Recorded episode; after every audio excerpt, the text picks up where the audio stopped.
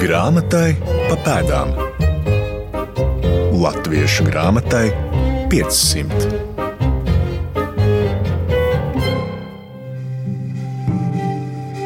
Esiet sveicināti! Mans vārds ir Marijona Baltkalne, un raidījumu ciklā Grāmatai pa pēdām mēs šodien godā celsim latgaliešu literatūru. Uzreiz jāsaka, izpratne par to, ko tā ietver, laika gaitā ir mainījusies.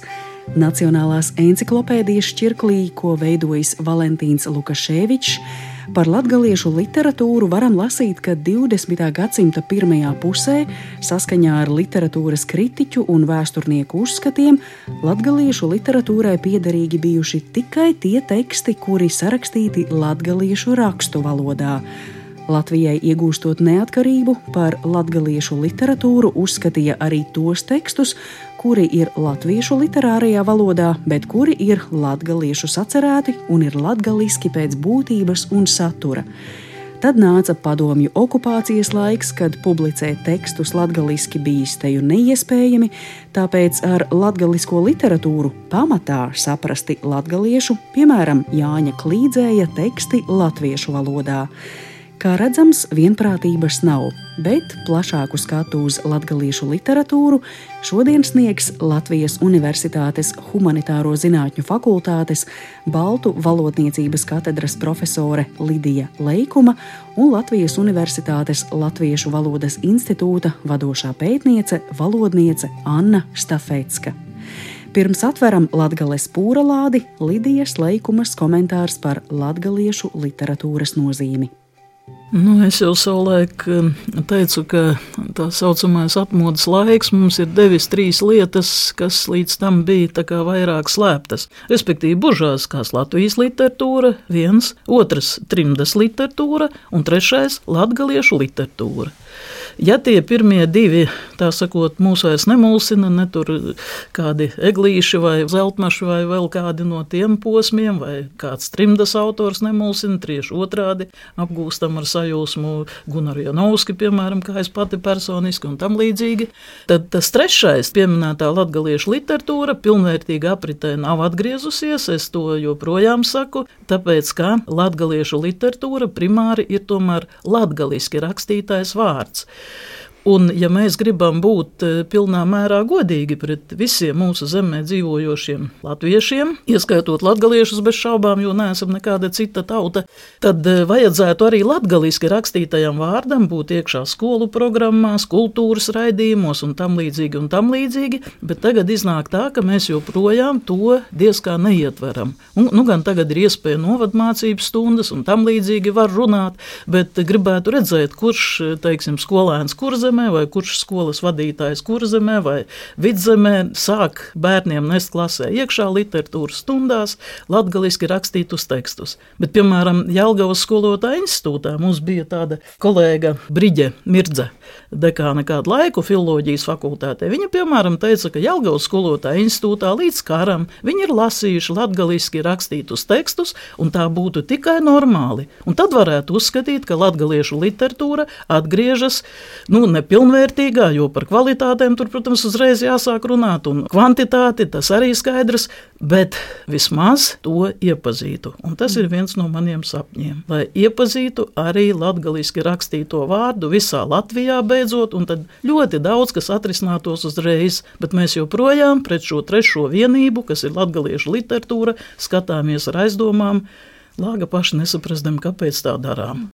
Jau pieminētajā Valentīna Lukaševiča veidotajā šķirklī latgaliešu literatūras attīstība iedalīta astoņos posmos, un mēs šodien runāsim par diviem - no literatūras aizsākumiem līdz drukas aizliegumam 19. gadsimtā. Latgaliešu literatūras aizsākumā 18. gadsimta pirmajā pusē nozīme bija poļu garīdzniekiem. 1753. gadā Viļņā izdota pati vecākā grāmata latgaliski Evanģēlija visam gadam, jeb latīņu valodā Evangelija Toto Anno. Par garīdznieku lomu stāsta Anna Stafetska. Nu, tā bija tāda būtiska nepieciešamība, jo Latvija tika atdalīta no pārējās latviešu etniskās teritorijas, un e, katoļu garīdznieki, sevišķi jezuīti, kas izvērsa šeit darbību, viņi sāk izdot grāmatas tautai tuvā valodā. Jo, teiksim, pirmajā grāmatā Evangelija Totāna 1753. gadā, kas iznāca un kas ir vienīgā pašlaik saglabājusies līdz mūsdienām, tur ir rakstīts, ka ar dažu Livonijas garīdznieku gādību šie evaņģēliji ir izdoti biežāk lietojamā latviešu runas veidā. Tātad latgalē runāja latgaliski un līdz ar to izdeva šos evaņģēlijus un pēc tam sekoja citas grāmatas, izdeva šajā plašāk runātajā latviešu valodas paveidā vai veidā. Tie ir poļu garīdznieki. Arī lietuvieši. Kā tad viņi rada galu galā to rakstu valodu? Nu, Jēzuīti jau bija tie, kas gāja tautā un klausījās. Un viņi saprata, ka vajag tautai tuvu valodu grāmatās. Lai gan ir bijušas diskusijas arī starp pašiem garīdzniekiem, vai sakot kurzemes literatūrai, jo tur arī bija katoļi, vai veidot savu latgalisko uz latgaliešu izloksnēm balstīto literatūru. Un mēs joprojām nevaram noskaidrot, vai, teiksim, evaņģēlīja tulkojumu izdeva jezuīti, vai tie bija tā sauktā laicīgā garīdzniecība, respektīvi pie ordeņiem nepiedarošie. Ja? To mēs diez vai arī kādreiz noskaidrosim, bet, nu, redzams pēc valodas, ka tas tomēr varētu būt eh, kolektīvs darbs bijis. Nu, un šie evaņģēlīji un vēlāk arī citas grāmatas bija ļoti nepieciešami. Tad sanāk, ka poļu un lietuviešu garīdznieki staigā pa latgali, klausās, ko cilvēki runā un pieraksta to tā, kā viņi dzird. Un tā tad ir tā latviešu rakstu valoda. Nu, jā, tur nebija taču sākumā ne gramatiku, nekā nebija.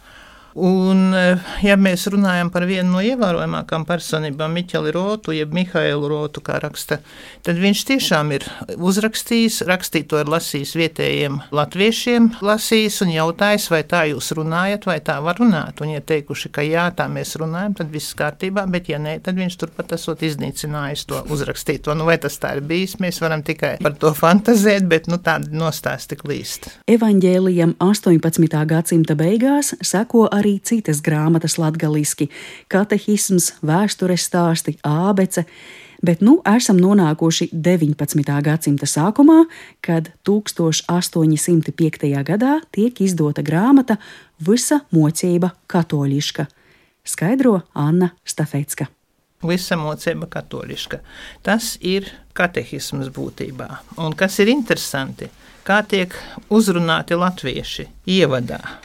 Muni mīlī latvieši. Tāda attieksme ir strādājuši grāmatas autori. Un šeit jums kristētu ļaužu mocības, uz apskaidrinošanas jūsu ticības sarakstītas. Šī grāmata ļoti izceļas šī perioda latgalisko grāmatu vidū. Kāpēc? Svarīgā grāmatzīme. Te ir ļoti tautai tuva valoda.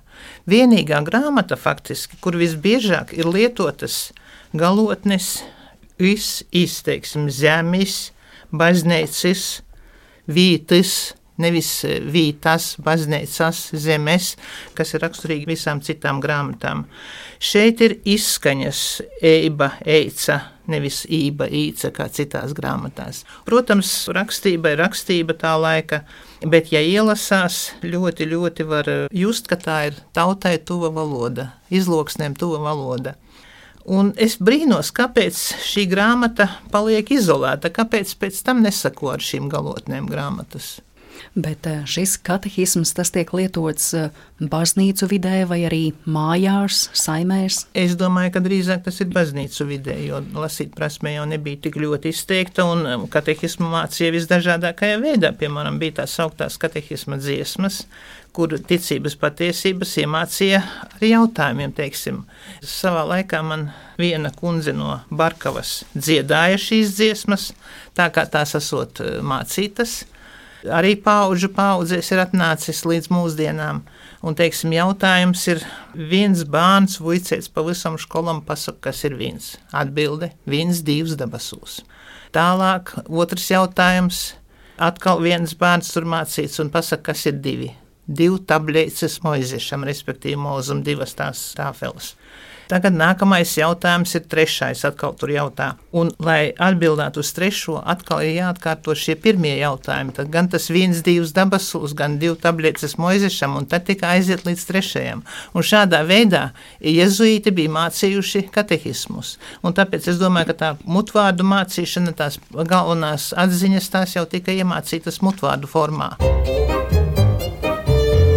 Grāmatai pa pēdām.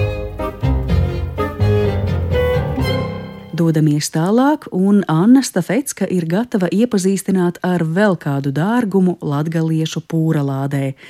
1808. gadā Polotskā izdota Stiglavas prāvesta Stefana Baginska sacerēta poēma par dievu, laiku, nāvi un mūžību.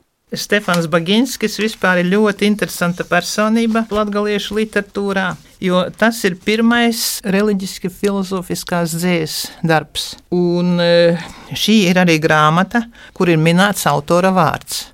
Visās citās mēs autora vārdu neatradīsim. Tas uzdod daudzus jautājumus, daudzas mīklas rada, bet šeit ir norādīts. Šeit ir norādīts, Tātad grāmata saucas tā interesanti, kā vieglis pesteiks. Nu, tātad kā veiklis, bet kā lai pateiktu pesteiks, no vārda pestīt. Nu, tāds, kas, teiksim, nu, vedina uz šo, šo pestīšanu. pestīšanu jā.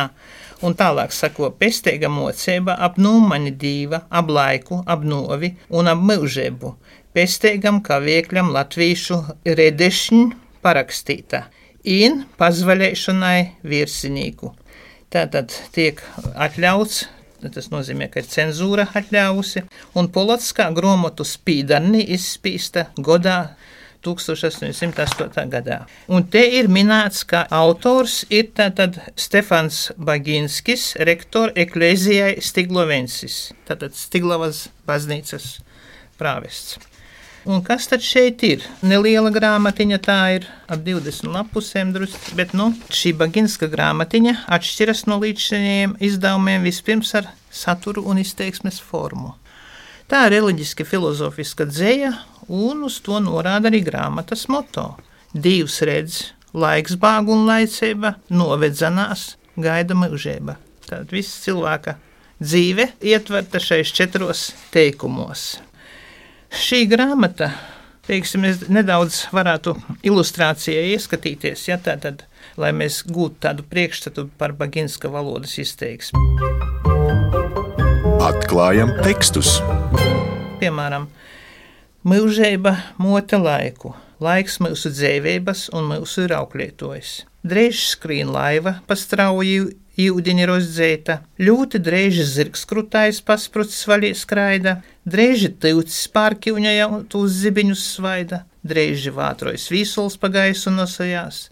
Vai arī, teiksim, skrīn mums godi, skrīn dīnas, skrīn brīži, bet net vair atsagrīž ani pamats līdi. Tātad gan daba no vienas puses šīs izmaiņas dabā, kas notiek, un pēkšņi klāt ir arī cilvēka dzīve, skrien gadi. Par Bagīnski tiek uzskatīts, ka viņš beidzis Krāslavas garīgo semināru, bet pēc semināra beigšanas un sava nokalpotā termiņa atgriezies dzimtenē, Polijā vai Lietuvā. Par Krāslavas garīgā semināra lielo nozīmi ir rakstījusi profesore Lidija Leikuma, norādot, ka semināra beidzēji bija būtiski garīgās un laicīgās literatūras veidotāji latgales latviešiem, citiem katoļiem. Turklāt vairāki viņu sacerējumi ir bijuši unikāli, tostarp pirmā publicētā latgaliešu gramatika un pirmā latgaliešu laicīgā grāmata. Turpinājumā Lidija Leikuma par Krāslavas garīgo semināru. Artefakta gaismā. Garīgais seminārs ir darbojies ilgāku laiku. Es velku zināmas paralēles tam pat ar Akadēmiju Petrīnā Jelgavas, kuru mēs vairāk pazīstam, jo tas ir vairāk cildināts. Mm. Ar to latgalisko parasti ir tā, ka arī, ja tur kas nozīmīgs ir bijis, tad tas paliek tā drusku, tā sakot, aiz borta vai aiz sētmaļa.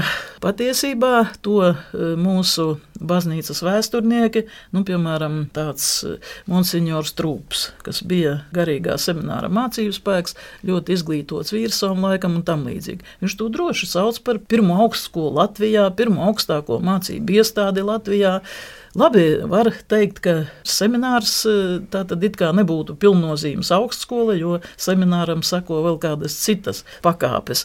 Bet tikpat labi tagad mēs mācāmies, piemēram, Latvijas universitātē, un mums ir bakalaura programma un mums ir maģistra programma. Bakalaura programmu beigušais tāpat skaitās ieguvis augstāko izglītību, kaut tas ir vairāk ierobežots gan tā seguma ziņā, gan arī citādi noformulēts nekā, kad beidzis arī maģistrantūru vēl. Un man šķiet, ka tas e, bija kas līdzīgs. Tātad Krāslavas garīgais seminārs, un pēc tam viņi varēja turpināt izglītošanos. Tā arī tiek rakstīts par šo semināru Viļņas galvenajā seminārā. Un tā viena daļa audzēkņu ir arī darījusi, un piemēram tāds bijis Tomašs Kosovskis. Viņš turpināja izglītošanos Viļņas galvenajā seminārā. Nu, Krāslavas garīgo semināru ar mainīgām sekmēm, uztur vieni, uztur otri, cīnās viņi ar dažādām materiālām grūtībām, nevienāds ir beidzēju skaits, un beig beigās, kad eh, mainās nostādnes pašā Krievijas impērijā, jo ir taču šīs visas teritorijas, par kurām runājam, Krievijas impērijas provinces, Krāslavas garīgais seminārs eh, beidza savu pastāvēšanu. Un tas ir, eh, nu, tomēr ilgs posms, 1757. un 1000. 1844. gads. Ja. Tā tas arī pašlaik stāv plāksnē uz Krāslavas baznīcas sienas, un tur arī droši teikts, ka tā ir pirmā augstākā mācība iestāde Latvijā, un tad, ja tur dodas turisti, ekskursanti un no citiem Latvijas novadiem, nu tad viņiem ir lielais atklājums, pārsteigums, dažam sašutums, kā tad tā, vai, vai tad Latgalē tas varēja vispār būt, un tam līdzīgi. Bet tā bija tiešām ļoti laba skola, jo sagatavoja kvalificētus speciālistus un labi mācītājus, katoļu baznīcas kungus, kā viņus latgalē sauc, vai priesterus, kā tagad eh, vēlas, lai viņus sauktu, bet eh, latgalē pa vecam viņus sauc par baznīcas kungiem, un es turos pie šā apzīmējuma, arī runājot latviešu literārajā valodā. Tātad sagatavoja kvalificētus darbiniekus vietējām katoļu baznīcām. Un ne tikai Latgalē strādājošiem, bet arī, teiksim, Smoļenskā, arī tai pašā Lietuvā, Kaunas guberņā toreizējā un tam līdzīgi. Nu, tur, kur vajadzēja katoļus jaunos. Nu, redz, pirmā augstskola, arī citi pirmie, tātad pirmā latgaliešu laicīgā grāmata un pirmā publicētā latgaliešu gramatika. Un abi šie izdevumi ir saistīti ar Jezupa Akelēviča vārdu. Jā, tā ir. Tikai viens saistījums ir pilnīgi drošs, otrs ir eh, pieņēmums, jo tā bibliotekāri savulaik ir uzrakstījuši ar roku, ka tas ir Jozefs Akelēvičs, un tā mēs uzskatām, ka tā gramatika ir Jezupa Akelēviča darbs. Bet patiesībā tur pirms viņa vēl bija tāds Joņs Rimkevičs vai Jans Rimkevičs, un viņš uzrakstīja gramatiku jau 1810. gadā bet šī iespiestā, ko saista ar Jezupu Akeleviču, ir iznākusi vēlāk, iespiestā veidā jau. Un pēc tam šī pati gramatika, šis pats eh, manuskripts piedzīvo vēl savu trešo iznācienu, jo To iespiež 1856. gadā, to izdara Tomašs Kosovskis, un viņš jau titulāpā ieraksta diez kāpēc savu vārdu arī. Neatsaucoties uz Akelēviču. Nesakot, nesakot neko, ka tas ir pārstrādājums vai vēl kā citādi, bet, nu, lūk, ja iepriekšējais izdevums ir bez autora vārda, nu, tad viņš acīm redzot uzskatīja, ja viņš tur ir kādus nelielus redakcionālus labojumus ieviesis, tad viņam ir tiesības ierakstīt savu vārdu. Vai varbūt izdevēja tā vēlējās, jo e, Tomašam Kosovskim jau pašam pietiek savu grāmatu, savu nu, tādu labu izstrādņu, lai viņš e, nu, piesavinātos cita darbu. Negribas arī domāt par viņu ļauni. Bet Akelēvičs, kā jūs sakāt, pilnīgi taisnīgi, viņš ir sagatavojis grāmatu Eisa mocība, un tā eisā mocība ir par bišu audzēšanu. Tā ir to, tā laicīgā grāmata. Tā ir tā laicīgā satura grāmata, 1832. gads, un tad e, ļoti interesantas kopsakarības tur visādas parādās. Un tad uzreiz jautājums literatūras kontekstā. Vai var saukt par oriģinālu izstrādi to, kas ir kāda cita darba pārstrādājums?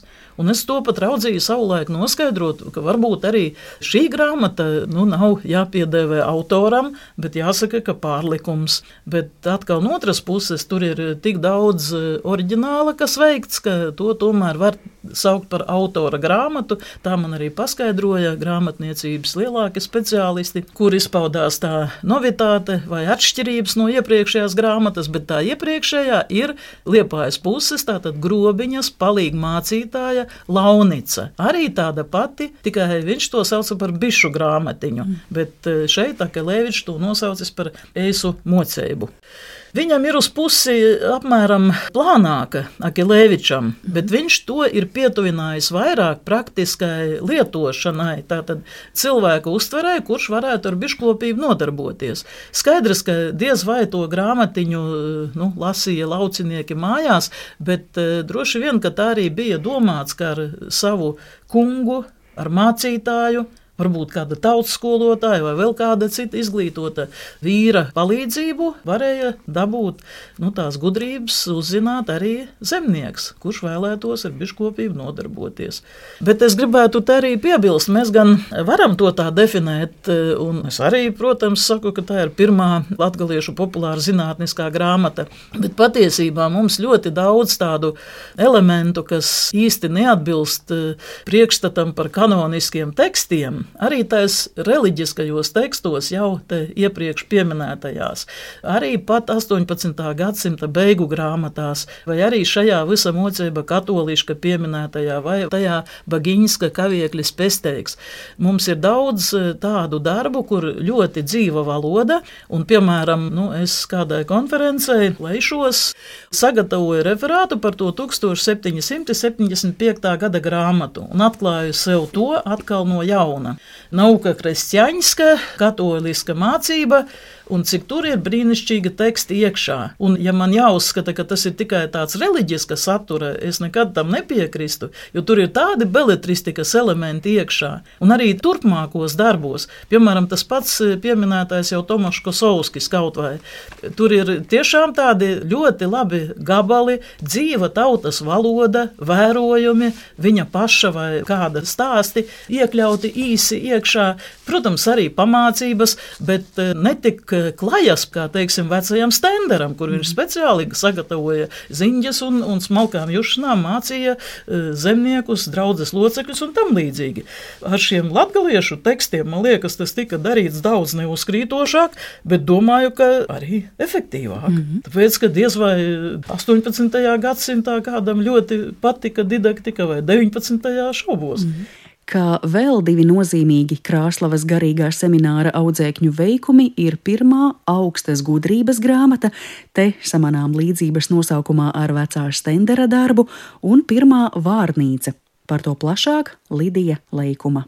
Pirmais, ja ņemam chronoloģiski, ir pavoicēšana un visādi sposobi dēļ zemnieku latviešu, un tas ir 1850. gada izdevums. Un tur arī autors zināms, tas ir Jazups Macilēvičs, un viņš ir bijis Krāslavas garīgā semināra absolvents. Tā ir tā augstās gudrības grāmata. Tā ir tā augstās gudrības grāmata. Mēs tās paralēlas ar Stenderu esam vilkuši visu laiku, jo tur arī tādas nu, visādas pamācības, kā vajadzētu nu, dzīvot zemniekam un kā viņam var palīdzēt arī tad, ja viņam pašam tur tūmā nav ārstu, piemēram, vai vēl kādu speciālistu. Tad padomi dažādiem dzīves gadījumiem pasaules lielā elpa tur neienāk. Kaut no otras puses tiek stāstīti visādi gadījumi tieši no Polijas.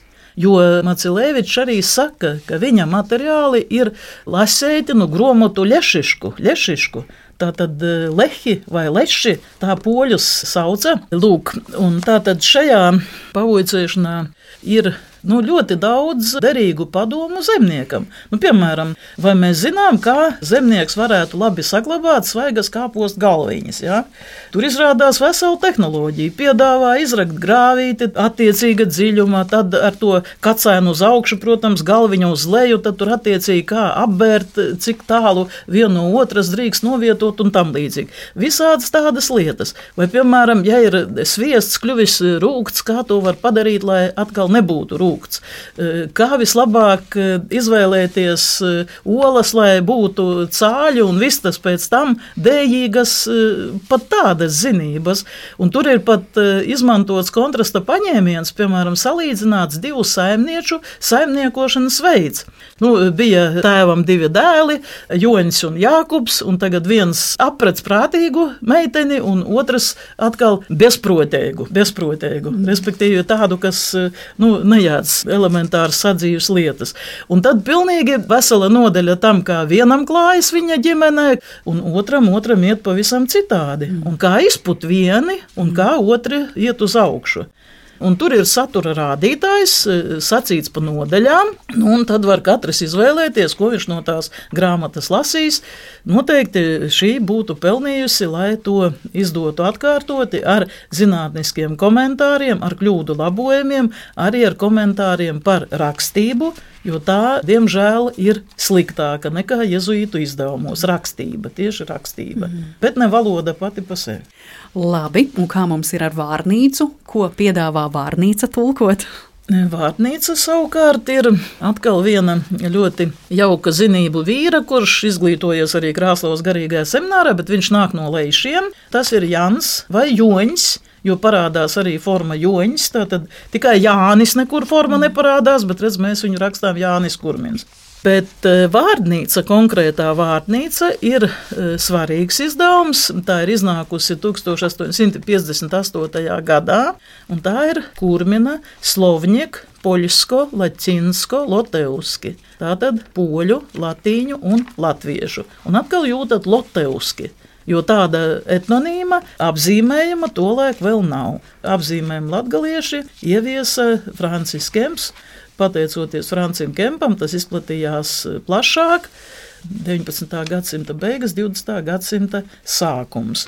Tādu varbūt arī nebūtu vajadzējis, bet tur atkal, diemžēl, vajadzīgās saskaņas eh, tautiešu starpā, Latvijas novadu tautiešu starpā. Nu, kā parasti, diemžēl, jāsaka, pietrūka. Mm. Un tad radās šis, un tā līdz šim brīdim mēs neesam ar to tikuši galā. Apzīmējumu latgalieši sāk izmantot tie, kas nebūtu nav latvieši, latgalē dzīvojošie cilvēki. Geogrāfiskā izpratne ir šim terminam nākusi klāt, un tagad mēs domājam, kā ir pareizāk. Bet vispareizākais es vienmēr visos laikos nemainīgi esmu teikusi, visiem būtu vajadzējis palikt pie viena latvieši, tā kā jau šodien arī runājam visās vecajās grāmatās, arī šeit.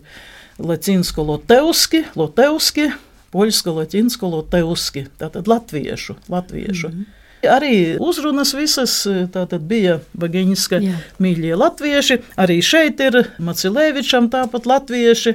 Arī to pašu saka Akilēvičs, mūsu pieminētais bišu grāmatiņā. Visur ir šis apzīmējums latvieši. Mm. Pieņemiet latvieši munu prācu ar taidu sirdi, ar kādu es jums jū upereju. Pieņemiet, latvieši, manu darbu ar tādu sirdi, ar kādu es jums to veltīju. Tā savā augstas gudrības grāmatā aicinājis Jēzus Macilēvičs. 1863. un 64. gadā bijušajās poļu zemēs Krievijas impērijā notika poļu sacelšanās ar mērķi atjaunot Žečpospoļitas valsti. Sacelšanās tika apspiesta, un, lai mazinātu poļu ietekmi šajās zemēs, tostarp Latvijā, 1865. gadā tika aizliegta druka it kā pret poļu burtiem, bet faktiski latīņu burtiem, ļaujot drukāt tikai kirilicā. Taču drukas aizlieguma laikā viss neapsīka. Pārsteidzošā kārtā cilvēki ir rakstījuši grāmatas ar roku vairākos pagastos, sekmējot apkārtējo lasīt prasmi, un kā viens no ievērojamākajiem rokraksta literatūras darbiniekiem izcēlies Andrivs Jurčs. Tāpat latgaliskus kalendārus izdevis Gustavs Manteifels, aktīvi darbojušies arī citi nelatviešu kultūras darbinieki, un pat iznācis pirmais latgaliešu tautas dziesmu krājums Latīņu burtu drukas aizliegums Latgalē tika atcelts tikai 1904. gadā. Bet šodien par iepazīstināšanu ar dažādām latviešu literatūras pērlēm es, Mariona Baltkalne, pateicos Annai Stafetskai un Lidijai Leikumai. Šī raidījuma padomdevēji ir Latvijas Universitātes Akadēmiskā bibliotēka un Latvijas Nacionālā bibliotēka. Par skanējumu rūpējās Nora Mitspapa, producente Santa Lauga. Nākamajā raidījumā iezīmēsim un raksturosim tautiskās atmodas laiku 19. gadsimta otrajā pusē un jaunlatviešu veikumu grāmatniecībā. Grāmatai pa pēdām. Latviešu grāmatai 500.